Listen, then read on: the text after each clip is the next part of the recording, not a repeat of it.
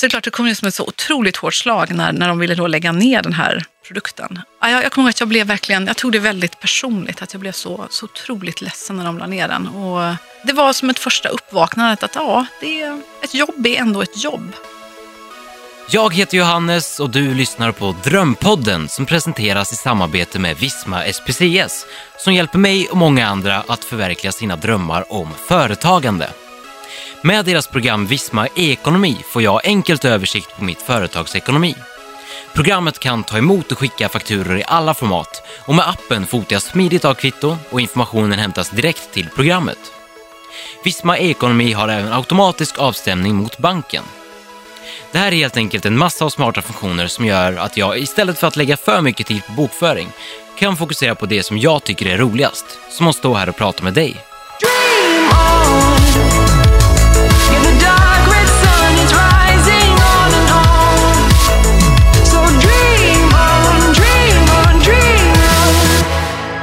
Journalist, debattör, krönikör, chefredaktör, författare, föreläsare, chef och expert. Det är några av titlarna som dagens gäst haft i sitt 43-åriga liv. Frida Boisen har jobbat för några av de största varumärkena i mediasverige och bland annat tagit emot priset med namnet Best Use of Social Media. Snart kan hon dessutom titulera sig som programledare för nya Lyxfällan i TV3 och idag ska vi prata om vägen hit. Hej Frida! Hej! Hur är läget? Det är bra, hur är det själv? Jo, det är underbart. Kul att vara här. Det är kul att du är här. Ja. Du eh, föddes i Härnösand Mm. och växte sen upp i Västra Frölunda. Ja, kan man säga. Har jag gjort min research rätt? Ja, tycker jag. Det här med Härnösand, det, är- det är inte mycket jag tänker på det. Jag var bara några månader när jag bodde där, så jag har inte sådär sjukt klara minnen därifrån. Men eh, också hunnit med lite annat. Bott lite i Indonesien bland annat när jag var tonåring. Oh, Mm. varför då? Min pappa var Volvochef och eh, skulle se till att kränga en jäkla massa Volvobilar nere i Indonesien. Eh, som ju faktiskt är typ ett av världens ja, typ fjärde största landet i världen tror jag till befolkning sett. Så då åkte vi ner till Jakarta och bodde där i eh, något år. Det var kul. Häftigt. Ja. Jag har typ två kompisar som har haft föräldrar som är Volvochefer. Är det en klassiker? Att flytta till ett annat land? Har du många kompisar från Göteborg eller? Ja, faktiskt. Ja, jag tror det hänger ihop lite. Okej. Mm, Mm. mm. Det är liksom expansionen därifrån. Precis. Ja, jag förstår. Hur var det att växa upp där?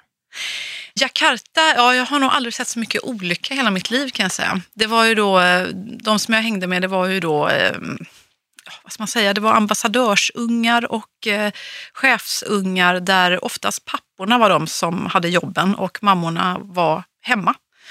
Och eh, apropå drömmar så tror jag ju att många kvinnor i Sverige idag kanske inte drömmer om en tillvaro där man ja, bara ska vara ett medhäng. Alltså det kanske låter härligt med titeln lyxhustru eller lyxmake eller vad det nu kan vara, men jag tror inte det är så himla härligt om man är van och, och ja, driva sin egen utveckling, kanske vill satsa på sin egen karriär, att då plötsligt inte få jobba utan bara vara hemma. Alltså folk blev så sjukt olyckliga. De började, eh, om jag ska vara helt ärlig, typ ligga med eh, privatchaufförerna. De började liksom supa, eh, använda piller. Alltså det var så mycket misär och liksom alla förhållanden slutade i skilsmässa. Låter ju trevligt. Ja, så passa er mina goda vänner för att drömma om en tillvaro som lyxhustruar. Det, det kan gå illa. Mm. Mm. Eh, var Västra Frölunda bättre? Mycket. Heja förorten alltså. Där, där grodde drömmarna. Där hände det mycket. Det var fantastiskt. Det var lite jobbigt i början. Jag kom dit från en villaförort och mina föräldrar hade då precis skilts. Och eh, det var ju såklart lite sådär traumatiskt att i fjärde klass ryckas upp och du vet alla sina bästisar och man hade sina drömtillvaro och katter och allt vad det var. Ah, katten försvann och bästisarna försvann och så plötsligt var det bara över en natt nästan så att vi bara fick köpa ett ställe i i eh, förorten istället och dra och hitta helt nya polare. Och det är klart, det, det, det är en stor omställning men det, var, det blev väldigt, väldigt härligt. Vi hittade många vänner där för, för livet. Fantastiskt. Vad drömde du om då? Ja, då drömde jag om, jag kommer faktiskt ihåg en eh, uppsats jag skrev i nionde klass som hette Att välja studieväg. Väldigt sexigt namn. och då drömde jag om att antingen bli operasångerska eller journalist. Det var mina två huvuddrömmar. Och då, eh, just då knäckade jag extra på, på Göteborgsoperan som eh, i en, eh, ja, en opera helt enkelt. Jag sjöng mycket. Och sen, ja, så att jag, jag fortsatte sjunga väldigt mycket och har gjort det i alla mina dagar. Och ja, sen så sökte jag till Journalisthögskolan när jag kom dit och ja, tyckte det var sjukt cool med journalistik och det bara liksom trillade på från den dagen. Sjunger du fortfarande? Sjunger mycket fortfarande, jajamän. Inte i någon eh, liksom, föreställning eller så? Inte i någon föreställning så, nej precis. Men det händer att jag brister ut i någon liten aria eller något. Jag vet, jag ledde exempelvis, jag var konferencier för eh, OFs eh, julparty här på Waterfront Building nu i, i julas. Och då var det sådär att eh, producenten bara sa, shit vi skulle behöva, liksom, vi skulle behöva en låt här i det här stycket. Jag bara, "Ah, det kan jag fixa, så jag liksom. Och så hade vi Blackness med oss, det var helt grymt. Så jag var lite förband till Erik Gadd där på, på en låt, så det var lite kul ändå. Eh, dina föräldrar, har du några entreprenörer i Eh, nej, det har jag faktiskt inte. Min pappa var då Volvo-bossen och eh, mamma hon var, hon var fotvårdsspecialist i, i eh, kommunens tjänst. Så, men vad jag har däremot det är faktiskt min moster som jag är väldigt tajt med. Och hon har alltid varit entreprenör så hon drev ju sin egen restaurang väldigt tidigt och där jobbade jag mycket när jag var liten och tyckte det var sjukt kul. Jag tyckte hon var så cool, min moster som, som drev den där restaurangen så himla bra. Hon var verkligen grym på service. Så jag älskade ju att stå i kassan och, och försöka kränga på eh, hennes hembakta sockerkaka lite extra till kunderna som efterrätt och sådär. Det tyckte jag var jättekul. Var det en förebild? Ja, verkligen. Hon är fortfarande en förebild. Min moster är en, en jätteviktig person för mig. Mina föräldrar är båda borta, men min moster består. Så hon är, hon är både mormor och morfar och farmor och farfar för våra barn. För de, alla de andra är borta tyvärr. Så att, eh, moster är en jätte, jätteviktig person för mig. Hur eh, började din resa från eh, Journalisthögskolan? Det började med att jag hade en sån där två veckors praktik eh, som finns då i det här långa journalistprogrammet i Göteborg. Och eh, då sökte jag mig förstås till nöjesredaktionen på den största tidningen i stan som hette Göteborgs-Posten. Och det var så sjukt kul. Och eh, efter de där två veckorna så frågade chefen mig, men du, du vill inte vara kvar och starta upp en ny avdelning? Jag bara, eh, jo. så då fortsatte jag och eh, kom väl aldrig riktigt tillbaka till Journalisthögskolan för jag var så busy med att jobba helt enkelt. Hur gammal var du då? Ja, det var en bra fråga. Jag kanske var 22, 23 någonting. Ja, och sen bara fortsatte det. Och jag fick först någon eh, skum projektanställning och sen fick jag något vick och ja, gick väl igenom alla anställningsformer tills de... Det, faktiskt, om man ska vara helt ärlig, så var det faktiskt så att det var lite metoo redan då. Då var det så att eh, firman då, alltså Göteborgs-Posten gjorde, genomförde någon sån här klassisk medarbetarundersökning där de då eh, frågar alla om, har du, såklart en fråga i en sån här undersökning är alltid, har du varit med om några sexuella trakasserier och så vidare. Och så, och så stod då, eh, om det nu var personalchefen eller Peter Jörn eller vem det nu var, stod där och förkunnade att ja, det hade ju gått så bra på den här undersökningen, och inga trakasserier någonstans. Och då räckte jag upp handen typ och sa inför de här hundratals människorna, så ursäkta, men har ni frågat vikarierna? Så jag, är de med i den här undersökningen? Och då blev det lite knäpptyst från ledningens håll. Jag bara, ni kanske hade fått ett annat svar då.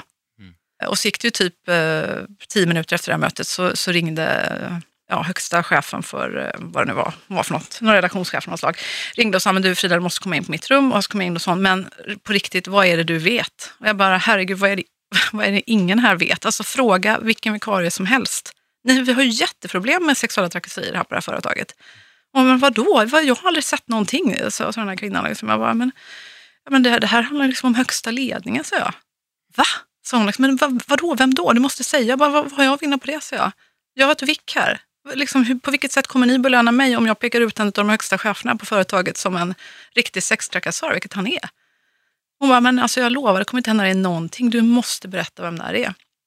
Och så gjorde jag det. Och det var en person i ledningsgruppen som var ja, helt hopplös. Han bara glodde på tjejernas urringning. Alltså, och även om det inte fanns urringning, han bara tittade på brösten helt sjukt. Liksom. Man fick aldrig ögonkontakt med honom. Och det var liksom inte bara jag, utan alla eh, yngre kvinnor visste att det var så. Liksom gick inte att få ögonkontakt med honom överhuvudtaget, den här människan. Så då berättade jag vem det var och så sa hon, "Ja, men herregud, han är nog inte medveten om det här. Och så tog hon ett snack med honom och, eh, och han ändrade beteende redan nästa dag. Det var väldigt tydligt. Och, eh, och sen så gick det typ en vecka och sen frågade de mig om jag inte ville ha fast jobb ändå. Och så, jo för fan, nu kör vi. Då litar de på dig. Ja, Ja. jag tror faktiskt det. Höll han sig liksom sen då? Ja, det blev faktiskt en väldigt tydlig förändring vad jag såg i alla fall. Han gick verkligen från att vara en sån här riktig... Och så, som sagt, kanske möjligt att ingen någonsin hade sagt till honom. Han kanske inte hade reflekterat över det heller. Så det var, var väl bra att det kom upp till ytan då. Vad fick du för, för liksom reaktioner från dina studentkompisar när du började jobba istället för att plugga vidare? De tyckte nog att det var väldigt kul. Och de kanske var lite avis, för det var ju ändå ett jobb man ville ha. Och det, enda, det är ju ett hantverk där med journalistik väldigt mycket och att, att faktiskt få göra det. Alltså, det är jättebra med, med att plugga förstås. Eh, det, men eh, för mig var det det absolut mest lärorika jag hade gjort på min utbildning att faktiskt få lära sig ute bland proffs. Mm. Det tyckte jag var fantastiskt. Sen dess har det hänt väldigt mycket. Ja, sen har det varit en jäkla massa jobb. Det, det har gått undan. Det har gått fort känns det som. Och nu, allt, allt har ledit hit liksom och eh, jag försöker sammanfatta vad det är du har gjort. Jag läste upp alla titlar i början. Mm. Eh, du började på GT. GP faktiskt. GP, Ja, det är väldigt förvillande för folk som inte är för Göteborg. Göteborgs-Posten då är då morgontidningen, den här stora fina som jag började på en gång i tiden. Göteborgs-Tidningen då, det är den här ilskna Lille Röe som den heter. Det är då alltså Expressens eh, västsvenska edition i Göteborg. Så nu avslöjar jag mig själv som fake göteborgare. Är det göteborgare alltså? Nej, Nej. jag bodde i närheten men nu har jag faktiskt flyttat dit precis. Ja, ja, ja. Men eh, ja, jag, måste, jag har Ja, en ja. del att lära fortfarande. Ja. Det är härligt. Men du börjar på GP Ja, så är det. och idag så jobbar du på Bonnier. Precis. Eh, Det, det gör jag. Och Jag gör ju massa saker egentligen. Då. Jag kan bara ta kort. Eh, Jag är då digital chef, ansvarig utgivare och vice vd och lite allt möjligt på då Bonnier Magazines and Brands. Det är alltså våra största magasinsvarumärken, ungefär 30-talet. Det är alltså Damernas Värld, Amelia, Veckorevyn, eh, Teknikens Värld, eh, Sköna Hem, M-magasin och Style By och så vidare. Och sen så är jag krönikör då på Expressen. Och så är jag eh, föreläsare, talar jättemycket om just digitalisering och sociala medier och så vidare. Så det gör jag ofta flera gånger varje vecka runt om i Sverige och utomlands också. Skriver en ny bok, författare också, så nu kommer uppföljaren på digital succé. Och så är det det här med Lyxfällan då, som känns jättekul. Programledarjobbet på TV3 som nu snart kommer att synas i rutan. Spännande. Mm. Det ska vi prata lite mer om sen, Mm. tänkte jag. Allt det här, hur ser en vanlig ar- arbetsdag ut? Ja du, det kan ju vara väldigt olika så att säga. Det är, ja, idag är det ju, eh, vad är det för dag idag? Är det måndag eller? Ja. Eh, ja.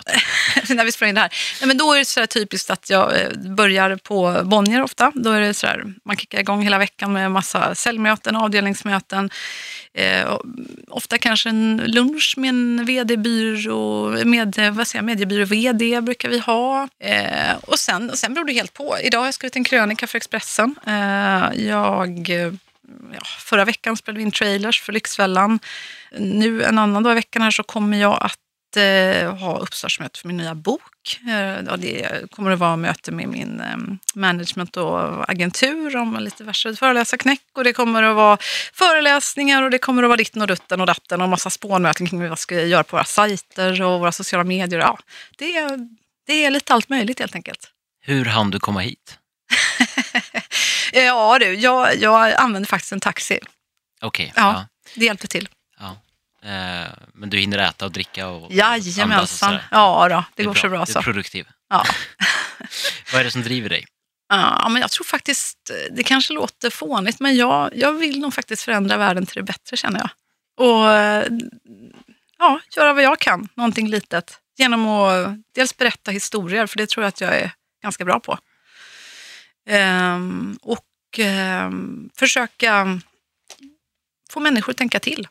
Eh, det tycker jag är väldigt roligt. Och sen, så, och sen är jag ju rent egoistiskt också, så gillar jag ju verkligen att att underhålla och förmedla de här historierna och stå på en scen tycker jag är fantastiskt kul och bjuda på insikter, eh, få människor verkligen känna, känna något, uppleva något och eh, lära sig något. Det tycker jag är fantastiskt kul. Hur får du använda det här i ditt, ditt yrke? Ja, men väldigt mycket. Alltså, jag älskar att formulera mig kring ämnen som jag gör i, som, i mitt jobb som krönikör och liksom verkligen tänka till och försöka eh, ja, utmana eh, läsaren och tänka till att ja, jäklar, men det här var ändå, det här gav mig en ny insikt. Att vara programledare då, det skulle vi prata mer om sen sa du, men det tycker jag också är fantastiskt roligt verkligen, så himla kul jobb. Och eh, som talare då om digitalisering och sociala medier och jag har ju jobbat som publicist och journalist i hela mitt yrkesverksamma liv så jag har ju lärt mig en del om hur man berättar historier, inte minst i vår eh, digitala miljö. Så att förmedla det för att kunna ge röst åt flera så att fler kan utnyttja möjligheten. Det är det jag älskar med sociala medier. Att förr i tiden när jag började med journalistik och sådär så var det ju vi som satt på de stora mediehusen som hade makten egentligen att förmedla historier och berätta och sätta agendan i Sverige. Idag så är det ju upp till vem som helst. Vem som helst där ute som är smartast, roligast, bäst på att formulera sig, viktigast, den kommer ju att vinna. Och det är det som är så himla underbart om man brinner för yttrandefrihet och demokrati som jag gör. Och eh, ja, Så alla tips jag kan bjuda på det här som, som verkligen eh, hjälper folk att formulera sig på ett ännu bättre sätt tycker jag är härligt. Och på tal om sociala mediers makt så är ju metoo ett väldigt bra exempel på det där. Ja, det är det bästa exemplet någonsin. Tänk vad det har satt agendan och tänk vad det har förändrat vårt land och vår värld. Och alla aspekter i vårt samhälle. Det är så himla starkt verkligen. Fantastiskt. Är du nöjd med var du är idag? Nöjd. Nöjd så låter så tillbakalutat. Eh, Jantelagsaktigt. ja, men lite trött nästan kan jag tycka. Men det kanske det inte är. Alltså, jag, är jag är väldigt tacksam skulle jag vilja säga. Över vad jag är idag. Väldigt tacksam och stolt och glad över vart jag är idag. Och jag vill ju självklart alltid utvecklas vidare. Så är det ju. Så det är väl ungefär så jag känner. Ja, var- Nöjd tycker jag låter så fråga. liksom lite som att man har nått klart på något vis. Jag känner inte att jag är klar. Man är väl aldrig klar? Nej, jag vet inte. Det är kanske någon som känner, ja, nu var jag klar. Här är jag nöjd. Det här var slutstationen. Här parkerar jag mitt lilla rumppaket och sätter mig ner. Ja, men det var det som var min nästa fråga, om du är färdig. Men eh, jag gissar att svaret är nej. Nej, svaret är nej. Inte färdig. Jag, jag är ju, alltså det är väl både min, min eh, ja, förbannelse och min styrka kanske, att jag älskar verkligen att gå framåt. Alltså utveckling är min, en av mina passioner i livet, att verkligen gå framåt, lära sig nytt, göra nytt. Däremot är jag sämre på att lösa alla detaljer, follow through, liksom att bara sitta och nörda ner sig. Så här, nej, det, det, det är inte jag bäst på. Det, det är inte att utnyttja vad jag kan bäst. Drömmer du om att eh, bli bättre på det eller drömmer du om något annat idag? Nej, alltså jag har läst en bok som jag tycker är så spännande. Eller jag är mitt i den faktiskt. Eh, Den här Omgiven av idioter, det är värsta bestsellern. Har, Ja. har, har du sett omslaget i alla Jag har fall? sett den överallt. Ja, den är sådär, handlar om att man är sådär blå, gul, grön eller röd, eller sådär, olika personligheter och sådär. Eh, och, och jag har ju verkligen minimalt av det här blå, vilket är det här nördiga, eh, detalj eh, och sådär, ordning och struktur. Och jag är sådär antitesen av blått. Däremot är jag tydligen 100% röd, vilket är då att man är sådär ledartyp och dominant och jada jada. Och gul är en typ 96 procent som något test som jag gjorde. nu. Och det är liksom att man är så mer inspiratör och, och åt det hållet. Och grönt är att man är en omhändertagare, jag uppfattat det som, och stabilitet. Eh, och så jag har tydligen väldigt mycket av det här eh, röd, rödgula röran då. Vilken av dem är idioten? Ja, det är då allihop med, mer eller mindre, Okej. om man inte förstår dem. Eh, ja, och nu har jag helt glömt din fråga, men, men den där boken är i alla fall sjukt intressant och, och liksom få lite koll på vem man själv är egentligen. Vad du drömmer om idag? Jaha, vad jag drömmer om idag. Ja. nej, du frågar just det, om, om jag vilja liksom utveckla mina såna här lite svagare sidor då, eh, eller, eller fokusera mer på de som jag kanske är starka på. Nej, jag har insett att jag är varken, jag är inte intresserad av att bli någon detaljnörd. Däremot kan jag självklart jobba på det. Jag, jag är gift med en person som jag tror är lite blåröd. En, eh, eh, min make, han, han brinner som jag för journalistik och allt det där. Och, och, och så. Men han är mycket mer så ordning och reda. Alltså. Så att, eh, tack vare honom så har jag ju, för att vi ska kunna leva ihop överhuvudtaget, eh, tvingats lära mig att plocka upp strumporna och så vidare och bädda sängen och, och sånt där. Jag, jag liksom är, innan jag träffade honom så älskade jag ju verkligen att sprida saker kring mig, inte skruva fast korkar på eh, olivoljan och sådär. Det liksom bara ligger i min natur att jag tycker det är skönare att inte göra det. Jag gissar att du eh, inte tycker om bokföring. Det tycker jag inte om, så därför har jag då skaffat mig revisionskonsult. Exakt, man kan ju använda sig av proffs. Bra tips. Yes. Man ska göra det som man själv är bäst på. Och komplettera sitt team. Alltså se sina svagheter och styrkor. Och, och så tänka så här, okej, jag, jag tycker det är skittråkigt med revision. Ja, om jag, och däremot vill jag verkligen se till att jag har ordning på mina grejer. Så antingen, då har jag två val, antingen får jag göra det själv fast jag inte gillar det, eller ta in hjälp. Och då väljer jag, ta in hjälp, delegera. Delegera är också ett bra ord, tycker jag. Love it.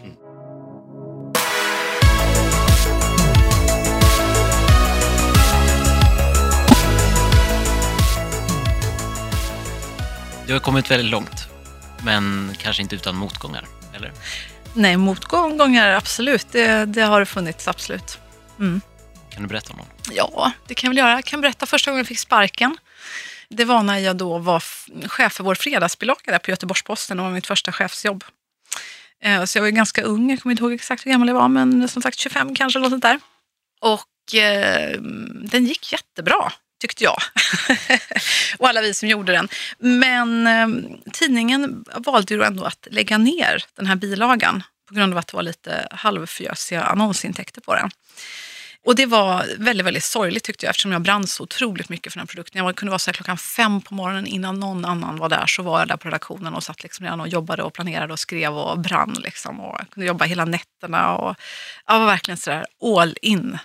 Tokpassionerad för den här tidningen. Jag tyckte den var så bra, vilket den ju också var. Så det är klart, det kom ju som ett så otroligt hårt slag när, när de ville då lägga ner den här produkten. Jag, jag kommer ihåg att jag blev verkligen, jag tog det väldigt personligt, att jag blev så, så otroligt ledsen när de la ner den. Och det var som ett första uppvaknande att ja, det ett jobb är ändå ett jobb. Det är faktiskt det. Och man får vara beredd på det hela tiden. Jag tänker att, i alla fall när jag gick i skolan, då, då var det så mycket så att på den tiden, eh, då var liksom det finaste man, man kunde få, som jag blev itutad i skolan i alla fall, det var liksom ett fast jobb. Och nu känner jag bara så att jag hoppas inte att det är så i skolan idag. Jag bara känner så här, ja, ett fast jobb i all ära. Vad är det du ger upp? Är det ju bara all din tid på jobbet, alltså som du ska lägga på ett jobb, och din hjärnverksamhet och din passion. Alltså Potentialen. potentialen, jag menar, du kan ju starta eget också, förverkliga din egen dröm. Alla de där jobben jag har nu driver, gör jag genom mitt eget bolag. Liksom. Jag tycker det är väldigt kul att jobba med andra människor. Jag tycker det är fantastiskt att jobba på stora företag som Bonnier och Expressen och allt möjligt som jag har jobbat på. Det är fantastiskt, men det är också väldigt, väldigt kul att driva en egen verksamhet. Så om det är någon där ute som lyssnar och funderar skulle jag verkligen uppmuntra dig ändå testa. Det är ändå sjukt kul. Du verkar verkligen älska ditt jobb. Och eh, du pratar om att sitta där klockan fem på morgonen liksom, i redaktionen. Mm. Hur ofta blir det för mycket? Nästan aldrig faktiskt. Eh, Det kanske låter lite sjukt, och det kanske är, men, men, eh, men någon gång har det väl hänt. Jag försöker minnas någon gång när det har blivit för mycket. Jo, det har hänt. Och då, då märker jag det faktiskt på mitt öra. Då kan mitt öra sådär, då börjar jag känna att det är lite, sådär, lite glappkontakt i örat. Det, det är mitt tecken på att då börjar det bli lite för mycket. Då är det överhettat. Precis, då, börjar, då brukar jag ha mitt knep och det är att nypa mig själv lite i örat och då brukar det gå över. Okej, Men- inte minska arbetsbelastningen. Jo, jo utan- det, är min andra, det är min andra grej. Att man kanske faktiskt också tar lite djupt andetag och går och lägger mig lite tidigare och sover lite extra. Det brukar bli bra. Mm. Och så kramas jag mycket. Det är verkligen min... Kramas mycket om det blir lite mycket och det är mycket stress och sådär och väldigt sjukt högt schema sådär och tajt. Kramas mycket. Och sen så har jag min andra grej, det är också att sätta mig vid min flygel som jag faktiskt har hemma och sjunga. Det är grymt bra för mig. Och så har jag börjat yoga igen. Också bra. Men i den här branschen så kan ju allt flyta ihop lite grann, vet man ju, när Precis. det gäller fritid och jobb. Mm. Hur gör man för att skilja på det där? Ja, jag vet inte. Jag har ingen aning. Du, du får fråga någon annan. Jag har inte lärt mig det än. Liksom. Det är sjukt långt borta. Och jag menar, i dessa tider ska man verkligen ta det där på allvar. Det är ju jättemånga som, som drabbas av utbrändhet och, och, och psykiska eh, ja, utmattningsproblem av alla möjliga eh, slag. Och det, det är verkligen ett allvarligt problem idag som jag försöker tänka på ganska mycket. Och jag blir också så ibland lite orolig när jag hör mig själv prata i såna här situationer. Då låter jag ju helt fruktansvärd som en sån här människa som går upp klockan fem för att sitta och jobba och jobbar ofta sju dagar i veckan. Och jag är ju verkligen, jag borde ta tag i mig själv och skärpa mig. Men eh, för mig har det ju faktiskt hittills funkat bra.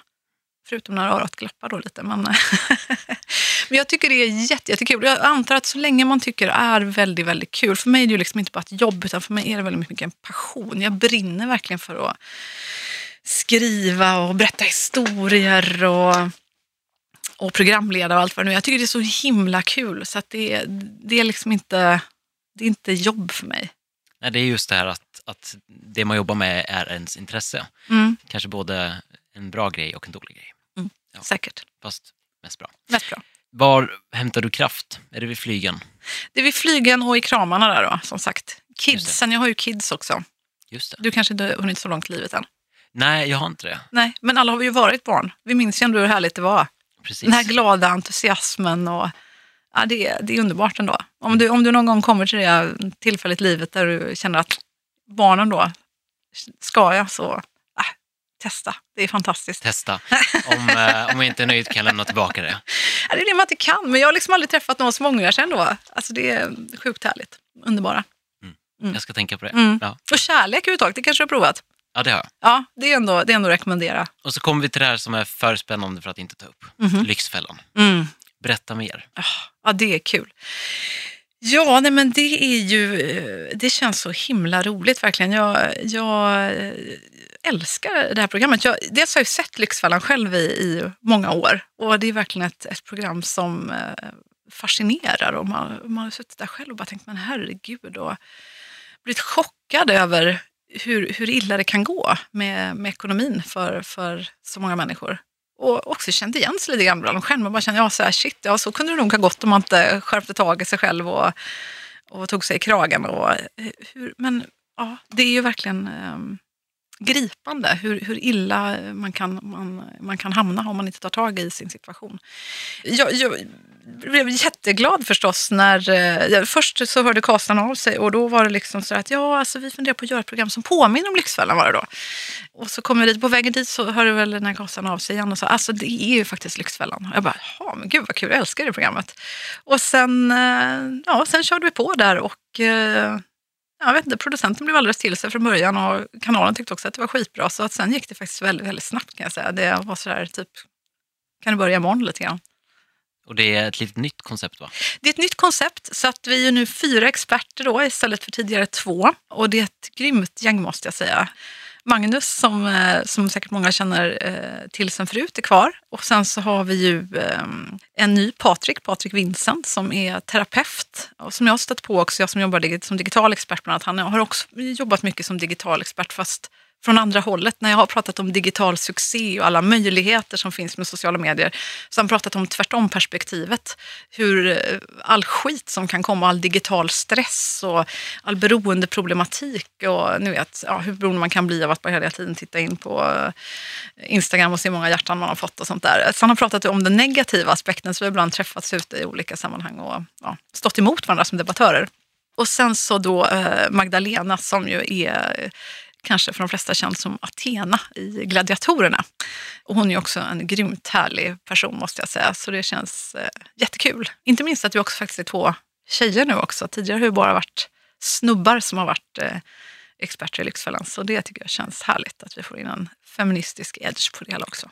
Bra blandning också. Mm, grymt bra. Jag älskar de här människorna. Det är så jäkla kul. Vi spelade in en trailer eh, förra veckan och ja, det, det kändes lite som vi var typ Friends-gänget eller någonting. Vi hade väldigt, väldigt kul faktiskt. Och, ja, det, särskilt eftersom vi, inte minst eftersom vi då badade i ett hav av pengar. Det var sådär 100 000 kronor som bara regnade över oss konsekvent i, i några timmar. Det var, det var en härlig upplevelse bara det. Var det äkta pengar? Ja, det är alltid äkta pengar i Lyxfällan.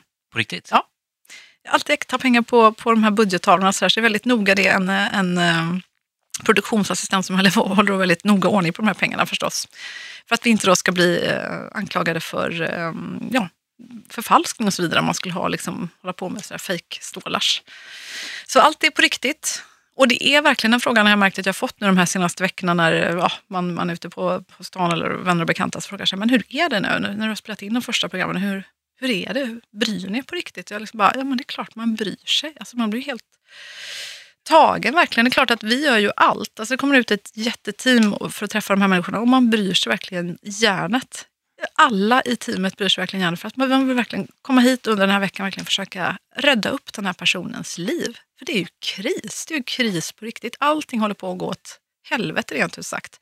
Och vi gör allt för att den här personen ska hitta bättre vanor, förstå hur den har hamnat i den här situationen och få till en livsförändring.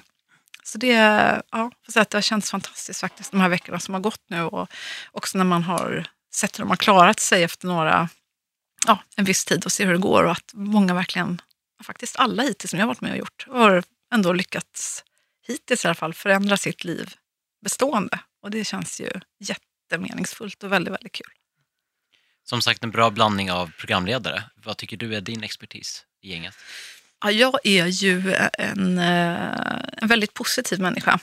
Jag, jag ger aldrig upp på att tro att det finns hopp för en människa. Jag, jag, jag brukar ofta med människor jag jobbar för, jag jobbar som, som ja, ledare ju i hela mitt yrkesverksamma liv mer eller mindre. Och, och jag brukar få för feedback ofta av mina medarbetare så är det att jag är så otroligt och, ja, men inspirerande, energirik, entusiastisk. Att jag liksom jag brinner verkligen för att folk ska känna yes, jag kan.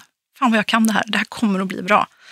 Så jag hoppas att jag kan eh, ingjuta det hoppet i många människor och verkligen få dem att börja älska sig själva igen och känna att ja, fasen jag kan det här.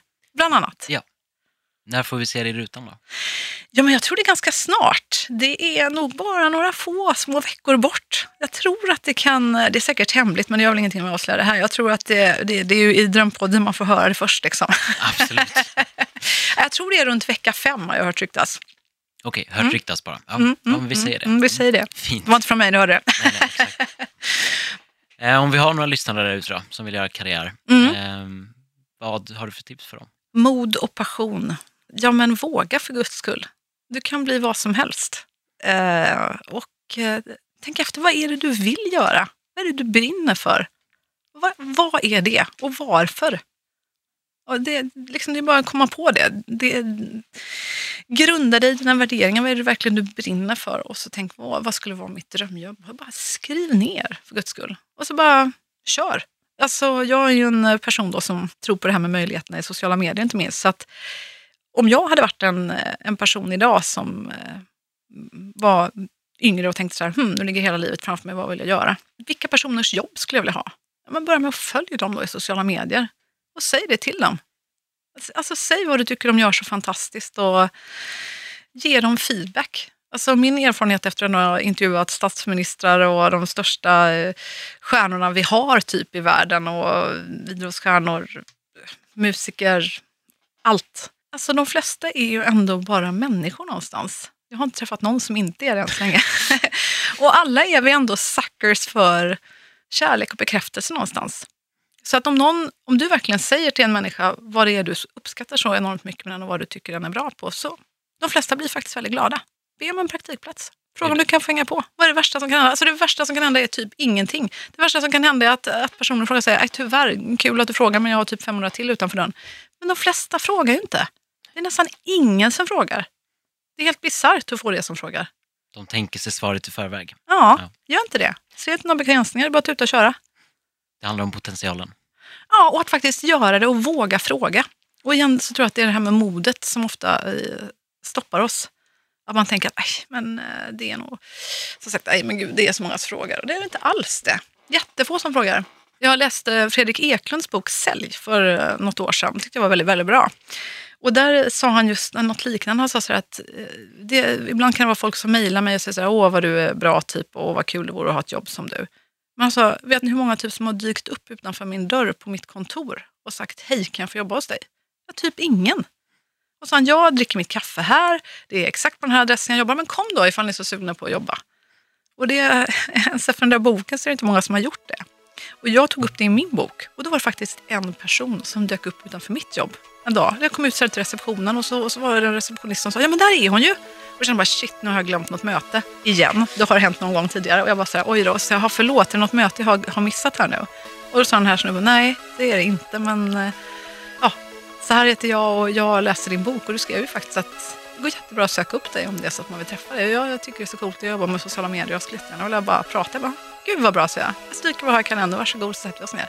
Och så tog vi en kaffe och, och snackade. Han är en skitduktig kille liksom, som har startat sin egen business. Och självklart vill jag ge honom den tiden. Och vi har fortfarande kontakt. Jag har ofta så rekommenderat honom och passat honom jobb och sådär. Så det är klart man vill hjälpa en människa som eh, kommer in och är öppen och härlig. Det förstår jag. Mm. Tack så mycket Frida. Tack själv, kul att vara här.